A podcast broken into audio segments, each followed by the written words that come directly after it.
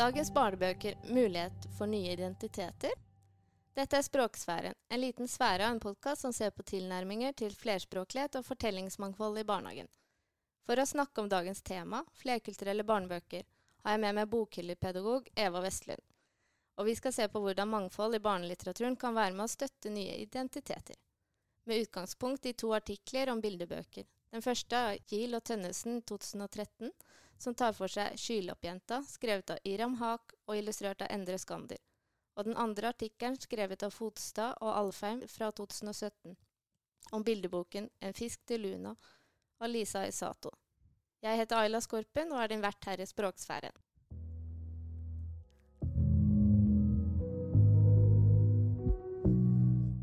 Bildeboken Skylappjenta lener seg på en gammel struktur fra flere eventyr, men mest fremtredende er Rødhette.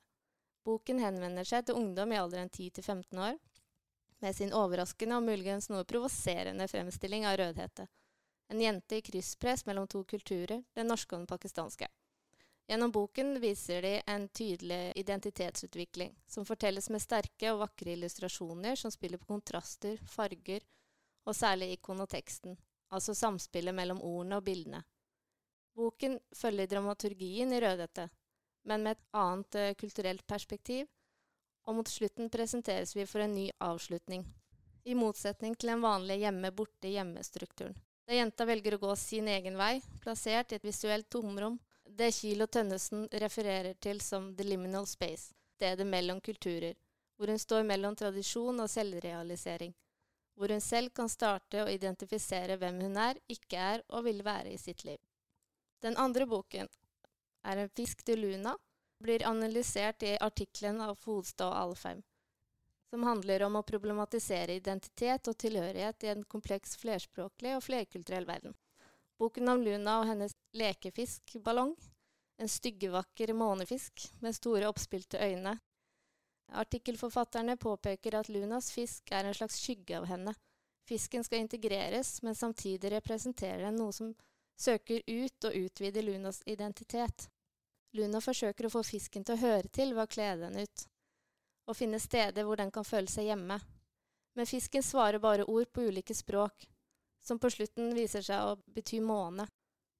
Fodstad og Alfheim snakker om begreper av litteraturviteren Baba, som annet unhomely Altså at et hjem trenger ikke å kjennes ut som et hjem, selv om det er et hjem.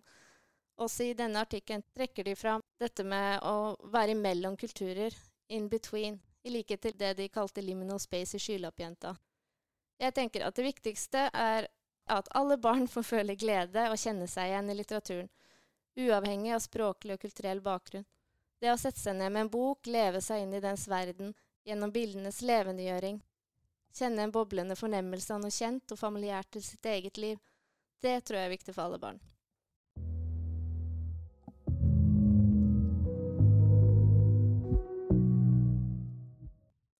For å snakke om temaet mangfold i barnebøker har jeg tatt med meg Eva Vestlund. Velkommen. Hei, Ayla. Eva er da en barnehagelærer og tobarnsmor. Mm. Så er hun kjent som Bokhyllepedagogen fra Instagram-kontoen din. Stemmer. Og i tillegg så er du fast eh, spaltist i Verktøykassa i, og Barnehageforum. Ja. Skriver litt eh, her og der og blitt veldig engasjert i barnelitteratur i de siste par-tre åra. Husker ikke når jeg begynte engang. Det, det er jo en stund siden vi har møttes nå. Ja, det var vel på Jeg tror kanskje ikke vi har sett hverandre noe særlig etter at vi slutta på skolen. Ja. Mange barn siden nå i det hele tatt. Men eh, vi gikk på Dronning Maud sammen, da. Det var veldig fint. Kan ikke du fortelle litt om bakgrunnen for at du lagde den Instagram-kontoen? Jo, det var et slags sånn koronaeksperiment. Man sitter mye hjemme og kjeder seg, og så er det ikke alle hobbyer man kan gjøre, kanskje. Og så leste jeg jo masse for ungene mine, og begynte å dele litt med noen venninner sånn 'Har du lest den boka?' Og så var det vel noen som sa sånn 'Å, du burde legge det ut et eller annet sted'. Men så, jeg, så lagde jeg den kontoen og begynte å legge ut der, så fikk jeg umiddelbart veldig sånn positiv respons. Og jeg skjønte at det er mange som lurer på hva, hva er gode barnebøker. Hva burde jeg lese for ungene mine? Og så skjønte jeg at det var egentlig Ja, det var ikke så veldig mange på Instagram da som la ut bøker hvor mangfold var, var i fokus, da. Det var mye bokkontoer, men ingenting med mangfold. Det var der det starta, da. Jeg må innrømme at jeg har vært inne og sjekka litt bøker selv eh, ut ifra dine anmeldelser. Så Det er veldig kult å høre. Eh, hva var din opplevelse av Skylappjenta? Um, ja, det var den snåleste boka jeg tror jeg har lest. Som du sa i introen, så, syns, så var det veldig mange interessante perspektiver. Det var liksom det her med å være med en fot i hver kultur, og hvordan det kan påvirke identitet. Det var mye som var spennende i boka, men jeg skjønte ikke helt målgruppa. og skjønte ikke helt, eh, Fordi det er i bildebokformat, men fra 10 til 15 Jeg vet ikke om så mange 10-15-åringer som leser bildebøker lenger. Men så var det jo veldig altså Jeg tror jeg hadde reagert hvis det hadde vært en, en hvit etnisk norsk person som skrev den boka. Da ville de reagert og tenkt I alle dager! Mm. Men siden hun Dette er selvopplevde ting, sannsynligvis, og det er litt sånn hva man kaller sånn own voices, altså, da tenker jeg at OK, da skal vi høre på deg og din historie. ja, for det- Ira Mak er jo en annen Mm. generasjons eh, innvandrerkvinne. Og Jeg syns det var en veldig interessant bok. Jeg fikk jo lyst til å liksom snakke med en ungdom om den, nærmest. For det var sånn, hva tenker de? Men, eh, men snål og rar, men også interessant. Ja, og, og litt provoserende, kanskje. Ganske provoserende. Ja. Ja. ja, men jeg tror det er litt av poenget også. Mm. Med liksom han nordmannen som bare er helt uh, merkelig. Og Ja, det Eva mener her, er nordmann det, Han er da kledd ut som Askeladden. Uh, typisk norsk Det er rett før han har på seg bunaden, føler jeg. så er han liksom påtrengende og kjip og kaller henne eksotisk. Og 'Å, du er så brun i huden. Har du sola deg mye?' Altså Det var så veldig spesielt å si sånt. Men OK. Ikke sant? Hun har sikkert vokst opp og hørt de tingene. Fordi dessverre sier folk sånne ting.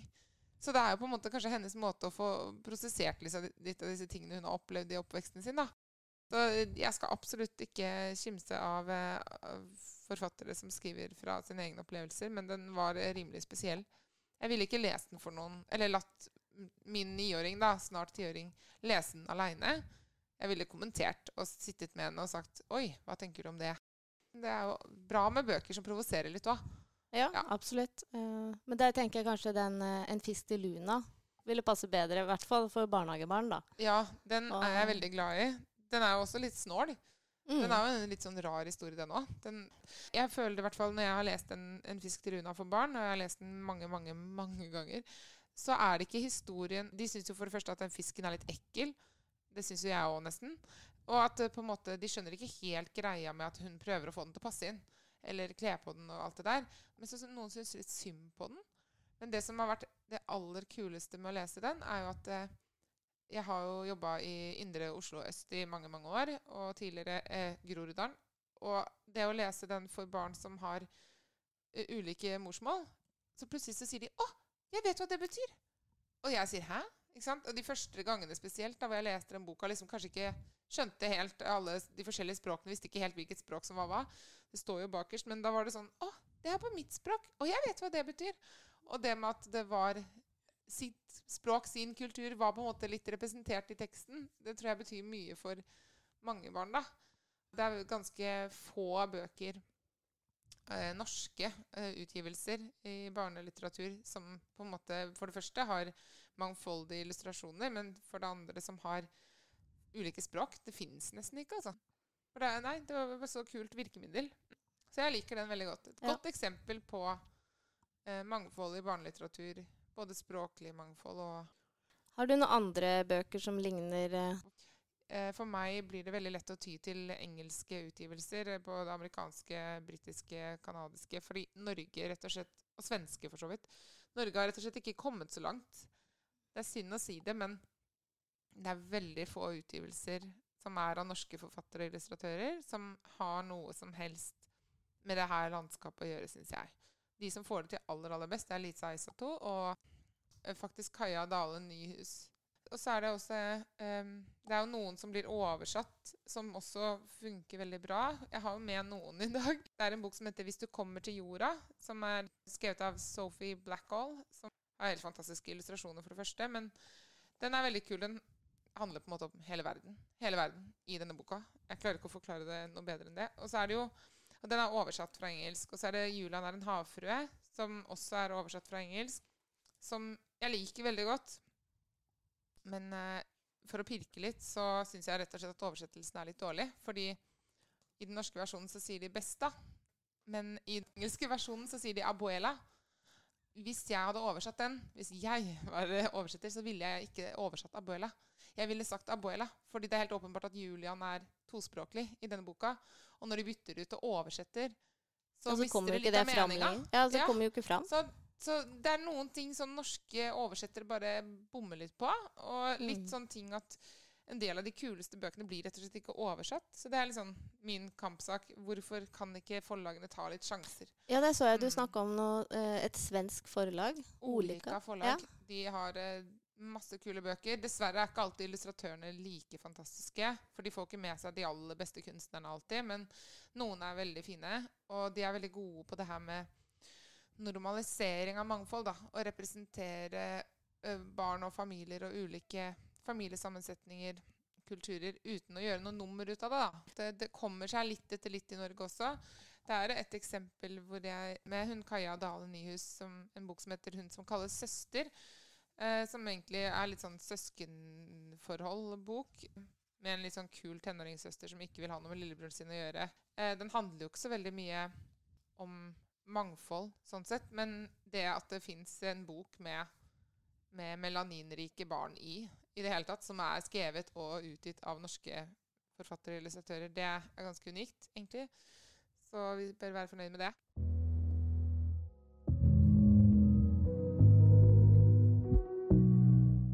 I begge bøkene i 'Skylappjenta' og 'En fisk til Luna' så tematiseres eh, identitet og tilhørighet, og også krysspresset mellom kulturelle tradisjoner og identiteter.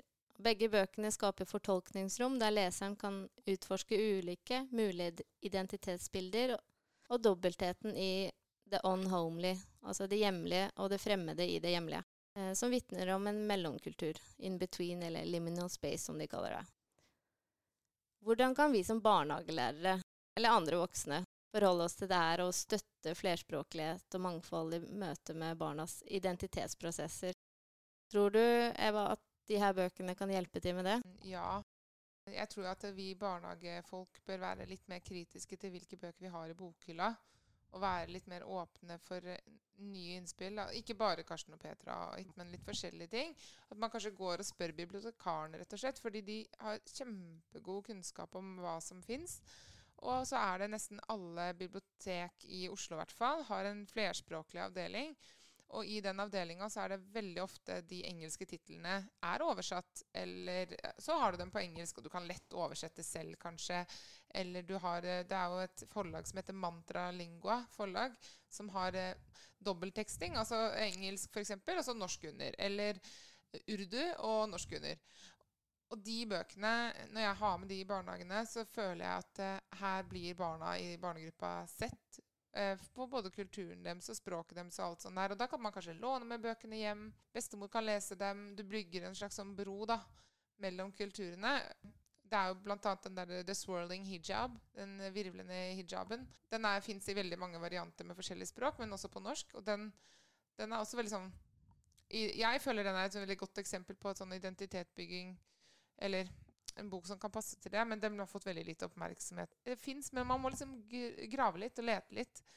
Og jeg tror det viktigste vi kan gjøre, er å sørge for at i hvert fall bokhylla representerer barnegruppa, men også samfunnet, da. Så selv om du har en barnegruppe som består utelukkende av hvite middelklassebarn, så bør du kanskje ha noen melaninrike barn i den miksen i den bokhylla òg. Fordi de trenger i hvert fall å se det. Det er jo ikke alle som er dødsbra bare for at de er på et annet språk. Man må liksom velge ut litt, men mange av dem hvis du bare, Jeg har bomma mange ganger. Jeg har lånt meg masse bøker hjem som bare er dårlig. Teksten er kjedelig. Men så av og til så finner du gull, da. Uh, for eksempel den The Swirling Hijab. Den fant jeg på den måten. I en den bunke med lefser. Ikke sant? Så fant jeg en bok som bare er så bra, som handler om en liten jente som bruker hijaben til mammaen sin til å leke med på alle mulige måter.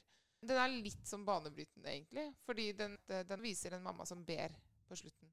Det er ikke så veldig mange barnebøker som viser det. Så jeg syns den er veldig kul, og den har fine illustrasjoner. Fin tekst. Veldig god bok. Har du noen egne erfaringer med hvordan barnelitteratur kanskje har støtta eller ikke har støtta identitetsbildet til barn i barnehagen, da? Jeg har hatt en del barn eh, som ikke har så mye språk på norsk enda, f.eks., som strever litt med å tilegne seg norsk. Som kanskje ikke ser, har, har, tidligere sett seg selv representert så veldig i de bøkene vi har. Og jeg så jo det hvis jeg tok inn noen bøker som kjenner seg igjen i, så var det jo gjerne de de valgte. Dere tok den boka med en jente som ligna på seg selv. Ofte fra bokhylla på egen hånd, og ville gjerne se den. Og det er jo noe med det å se seg selv i, i speil. Hvem er jeg? Hvem er dette, kan jeg se meg selv i disse bøkene? Og så skal man også kunne se andre ting som er ukjent for en. Da. Men jeg føler at de, de barna eh, har følt at det har vært godt å se noe som ligner på seg og sin kultur og sine familier. Har hatt familie med to mammaer, f.eks., eh, eller to pappaer, som på en måte ikke har klart å finne noen bøker, nesten. Som, hvor det, de føler at de hører hjemme. Og så finner jeg det for dem og viser dem det, og så blir de barna så glad. Fordi 'Å, ja, men han har jo også to mammaer. Akkurat som meg!' Det er sånn at de nesten blir overraska over at det går an. Og det er sånne små ting som jeg setter veldig pris på og tenker at det betyr mye for de barna og familiene.